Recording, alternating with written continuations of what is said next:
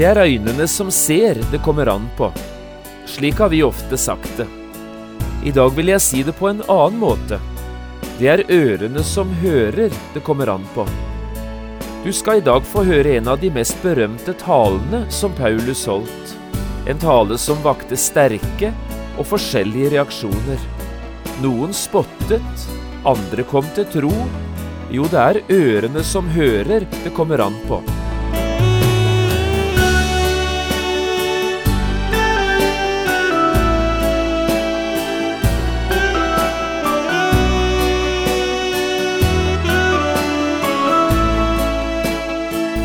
Hjertelig velkommen til et nytt program i serien Vindu mot livet.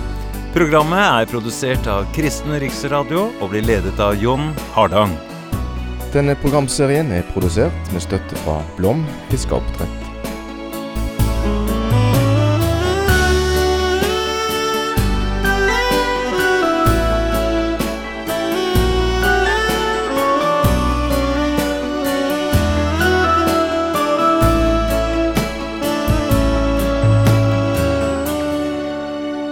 Vi skal også i dag fortsette denne bibelundervisningsserien som vi har kalt I Paulus' fotspor.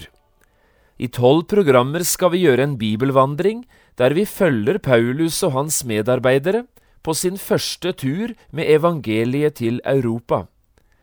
Denne historien finner vi gjengitt i apostlenes gjerninger i kapittel 16 til 18. Du kan også få kjøpt denne programserien på CD ved å henvende deg til P7 Kristen Riksradio. Paulus er nå på plass i grekernes hovedstad, Aten. Etter å ha sett seg litt omkring i byen og snakket med folk, ble Paulus tatt med opp på Areopagos. Dette var en høyde som lå like vest for Akropolis. Her fikk Paulus anledning til å tale til mange atenere og det er denne talen vi nå skal lese sammen.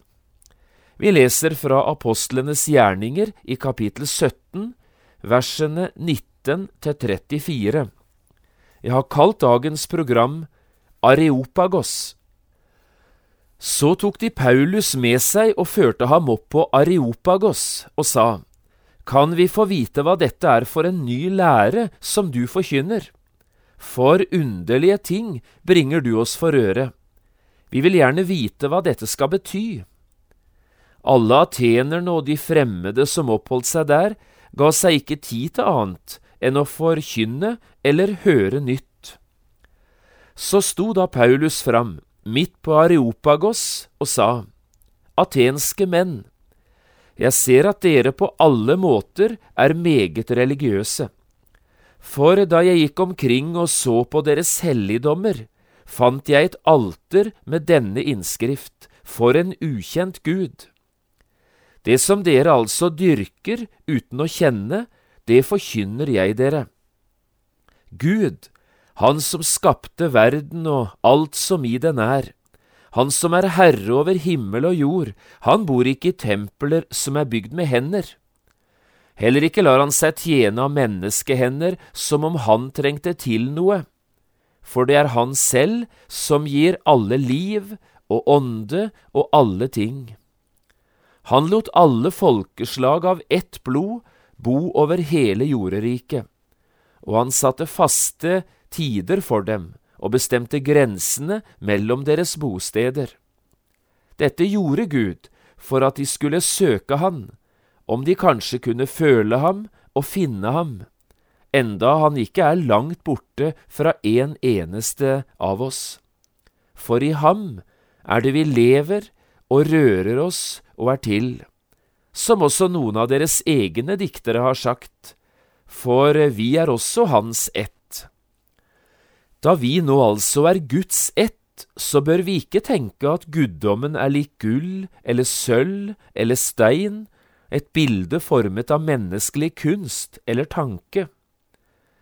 Etter at Gud har båret over med uvitenhetens tider, befaler han nå alle mennesker, alle steder, at de skal omvende seg. For han har fastsatt en dag da han skal dømme verden med rettferdighet. Dette skal skje ved den mann som han har utvalgt til det, etter at han har gitt fullgodt bevis for alle ved å oppreise ham fra de døde. Da de hørte om dødes oppstandelse, spottet noen. Men andre sa, Vi vil høre deg tale om dette igjen. Paulus gikk så fra dem. Men det var noen som sluttet seg til ham og kom til tro. Blant dem var Dionysios, en av Areopagos-dommerne, og en kvinne som het Damaris, og noen andre med dem.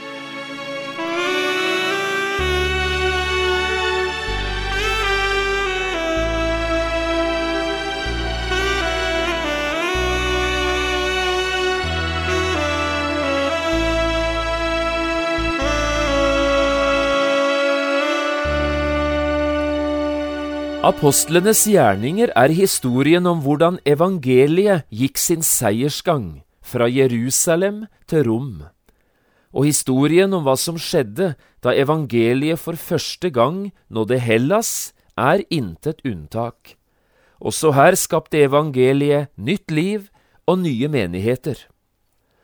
Hovedgrunnen til evangeliets eventyrlige framgang de første årene er knyttet til én viktig ting nemlig forkynnelsen av evangeliet. Det var noen som forkynte, og det var noe som ble forkynt. Her ligger den store hemmeligheten. Kirken er ordets datter, sa Martin Luther en gang, og du forstår sikkert hva han mente med dette. Hadde det ikke vært for budskapet, for forkynnelsen, ordet om Jesus, så hadde det aldri vært noen kristen kirke i denne verden, verken i Hellas eller her hos oss. Og det er en av de mest berømte talene fra den første kristne tid vi nå har lest sammen i dag, nemlig Paulus' tale til atenerne oppe på Areopagos, en høyde som lå like vest for Akropolis. Og det er denne talen vi etter hvert skal se litt nærmere på i dag. Men før det har jeg lyst til å si litt om den første kristne forkynnelse litt mer generelt. Hva talte de om, disse første kristne, når de sto fram for å forkynne, og hva var innholdet i det de forkynte? Og hvordan la de opp sin forkynnelse, hvordan forsøkte de å nå tilhørerne med det budskapet som de brant for, å formidle videre til andre? Vi møter flere store forkynnere i apostlenes gjerninger i Bibelen, og det er gjengitt ganske mange store taler som ble holdt av disse kristne forkynnerne i den første kristne tid. Av forkynnere møter vi i apostelgjerningene folk som Peter, Jakob, Johannes, Stefanus og Paulus, fem viktige redskaper for evangeliet i denne tiden. Og når det gjelder de forskjellige talene som ble holdt, kan vi nevne for eksempel Peters pinsetale, Peters tale til folket etter at en lam tigger var blitt helbredet ved tempelet, og så hans tale til Det høye råd etter at han ble arrestert på grunn av denne helbredelsen. Videre Peters tale i Kornelius' hus, Stefanus' tale for Det høye råd, en tale som til slutt kostet Stefanus livet. Og så Paulustalene, i synagogen i Antiokia, i synagogen i Tessaloniki, hans tale på Areopagos-høyden i Aten, altså den talen vi nettopp leste sammen, og så hans store forsvarstaler, for folk i Jerusalem, eller for kong Agrippa ute ved Cesarea ved havet. Dette er en rekke store taler av store, strålende forkynnere. Ser vi nærmere på disse talene, legger vi imidlertid merke til at de ikke bare er forskjellige, de har faktisk også en del klare fellestrekk.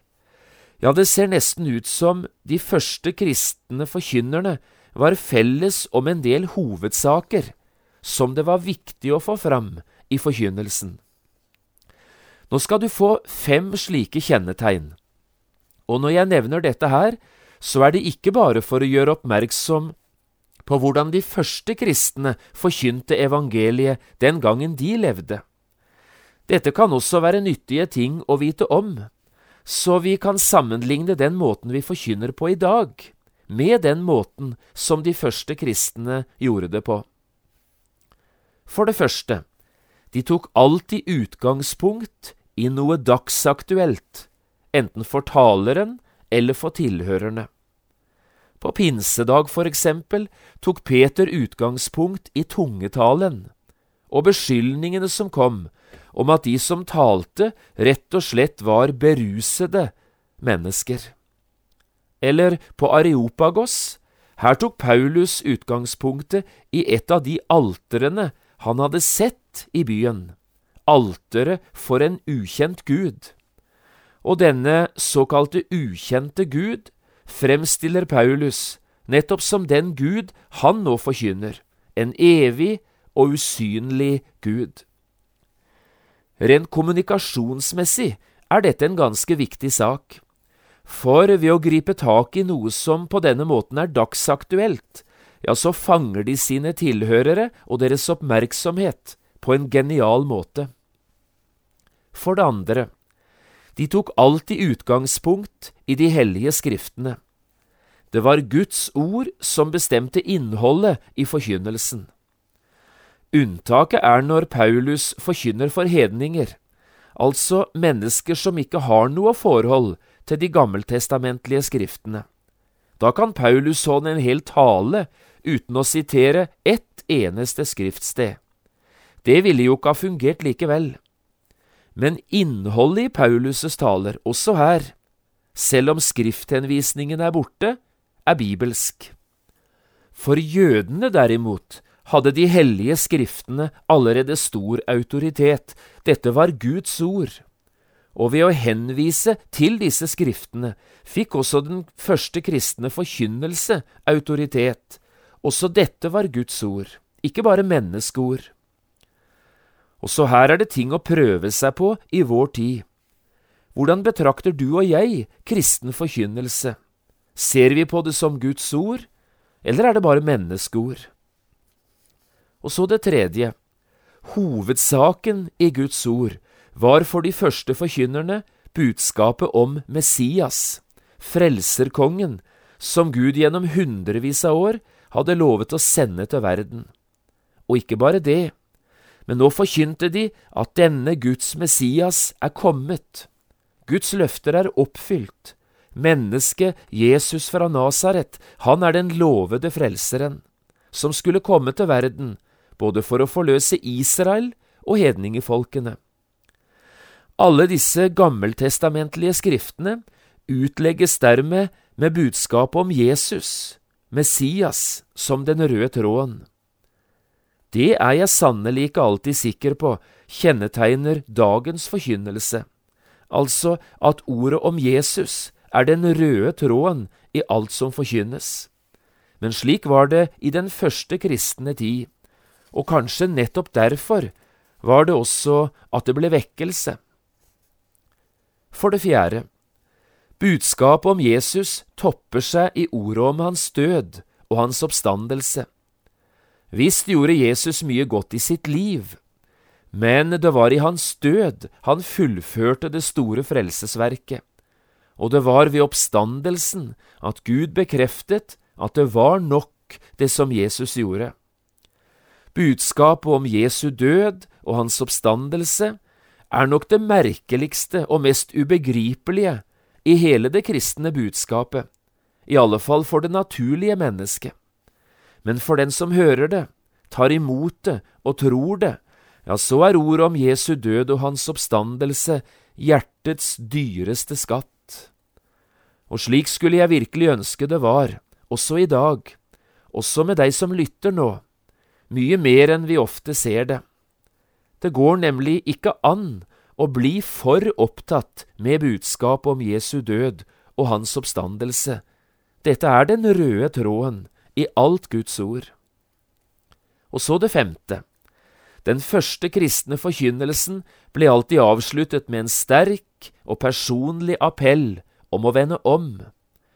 For dette er jo forkynnelsens store mål, at mennesker som hører, skal vende om fra Gud til avgudene, vende seg fra Satans makt og til Gud. Her er de første kristne forkynnerne meget samstemte. På pinsedag, for eksempel, når folket spør om hva de nå skal gjøre, ja, så er Peters svar krystallklart. Omvend dere, og la dere alle døpe på Jesu Kristi navn til syndenes forlatelse. Så skal dere få Den hellige ånds gave. Og oppe på Areopagoshøyden er anvisningen nøyaktig den samme. Her avslutter Paulus sin tale med disse ordene. Etter at Gud har båret over med uvitenhetens tider, befaler han nå alle mennesker, alle steder, at de skal omvende seg. Dette omvendelsens budskap gjelder alle mennesker. Og omvendelsen er ikke bare et forslag fra Guds side, det er en befaling. Og dette er en omvendelse, forkynte de første kristne, som du ikke må utsette. Du må vende om, og du må gjøre det nå. Med det som her er nevnt som bakgrunn, har vi egentlig også sagt mange viktige ting, også om Paulus' tale på Areopagos. Og la oss nå mot slutten av programmet løfte fram hvordan Paulus i denne talen prøver å framstille Gud, slik at det blir relevant og dyrebart for disse uvitende menneskene som hørte det i storbyen Aten. Jeg tror det handler om fire ting i denne talen, fire streker som Paulus tegner, og som til sammen maler et sterkt og tydelig bilde av Gud. 1. Gud er skapelsens Gud, sier Paulus. Gud, han som skapte verden og alt som i den er, han som er herre over himmel og jord. Han bor ikke i templer som er bygget med hender. Heller ikke lar han seg tjene av menneskehender, som om han trengte til noe for det er Han selv som gir alle liv og ånde og alle ting. Slik taler Paulus. Gud er himmelens og jordens skaper, og derfor en som vi må forholde oss til, enten vi liker det eller ikke. Dypest sett kan intet menneske egentlig gå bort fra Gud. Han er ikke langt borte fra en eneste en av oss, sier Paulus. Det er i ham vi lever og rører oss og er til. To. Gud er historiens herre. Gud har ikke forlatt sin verden eller snudd seg bort fra den. Tvert imot, Gud bærer verden, han våker over den og har grenseløs omsorg for alle som bor her. Paulus skriver, han lot alle folkeslag av ett blod bo over hele jorderiket og han satte faste tider for dem og bestemte grensene mellom deres bosteder. Og hør nå, dette gjorde Gud for at de skulle søke Han, om de kanskje kunne føle Ham og finne Ham, enda Han ikke er langt borte fra noen av oss. Gud har altså ikke trukket seg tilbake. Han er historiens herre og vår tids Gud, helt nær og helt tilgjengelig. 3. Gud kan ikke sammenlignes med alle avgudene, med idolene. For avguder er laget av mennesker og tilbes av mennesker. Men avguder er ikke noe annet enn et produkt av menneskenes eget strev. Gud derimot, den levende Gud, med Han er det annerledes. Denne Gud er ikke skapt i menneskers bilde. Tvert imot, det er menneskene som en dag ble skapt av Gud, i Guds bilde. Og Paulus skriver, da vi nå altså er Guds ett, så bør vi ikke tenke at guddommen er lik gull eller sølv eller stein, et bilde formet av menneskelig kunst og tanke. Nei, sier Paulus, Gud er den evige Gud, totalt annerledes enn avgudene. Og så fire. Denne Gud har åpenbart seg som frelsens Gud. Fremdeles er det mennesker, både den gang og i dag, som søker Gud, søker sannheten og evigheten. Men dette er faktisk ikke det viktigste. Det viktigste er at Gud søker oss. Gud har oppsøkt denne verden ved å sende sin egen sønn til oss, som frelser og som dommer. Hør hva Paulus skriver om Jesus. Etter at Gud har båret over med uvitenhetens tider, befaler han nå alle mennesker, alle steder, at de skal omvende seg. For han har fastsatt en dag da han skal dømme verden med rettferdighet. Dette skal skje ved den mann Gud har utvalgt til det, etter at han har gitt fullgodt bevis for alle ved å oppreise ham fra de døde. Det finnes altså en frelser, en som kan redde menneskene, både fra uvitenheten og fra Guds dom. Denne mannen er Jesus, Guds egen sønn, død på et kors, men også oppreist fra de døde. Og det er bare denne Jesus som kan frelse mennesket. Gud kommer derfor ikke med et forslag om å vende om. Han befaler omvendelse til Gud fra avgudene. Det var noe ganske nytt, det Paulus på denne måten forkynte i Aten. De hadde aldri hørt noe lignende, verken her eller andre steder. Og det de hørte, var både godt, men også skremmende nytt. Derfor fikk budskapet en nokså blandet mottagelse. Da de hørte om dødes oppstandelse, spottet noen. Men andre sa, Vi vil høre deg tale om dette igjen. Paulus gikk så fra dem, men det var noen som sluttet seg til ham og kom til tro. Det er øynene som ser det kommer an på. Slik sier vi det av og til. I dag har jeg lyst til å si det på en annen måte. Det er ørene som hører det kommer an på. Slik var det i Aten, og slik er det fremdeles. Evangeliet deler menneskene i ulike grupper.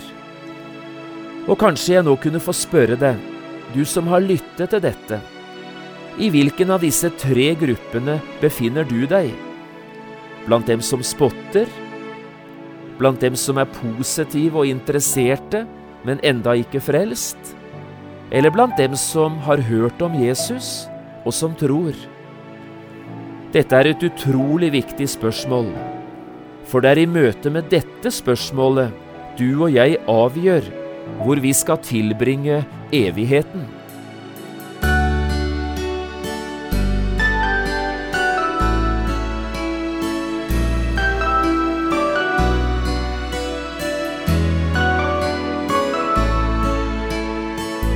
Du har lyttet til et program i serien Vindu mot livet med John Hardang. Programmene i denne serien kan også kjøpes på CD fra Kristen Riksradio, eller høres på internett på p7.no. Har du spørsmål eller kommentarer til det du nå har hørt, kan du ta kontakt med oss. Adressen er Kristen Riksradio, Skiene 2, 5353 Straume. Eller send en e-post vml alfakrøll p7.no. Takk for i dag, og på gjenhør.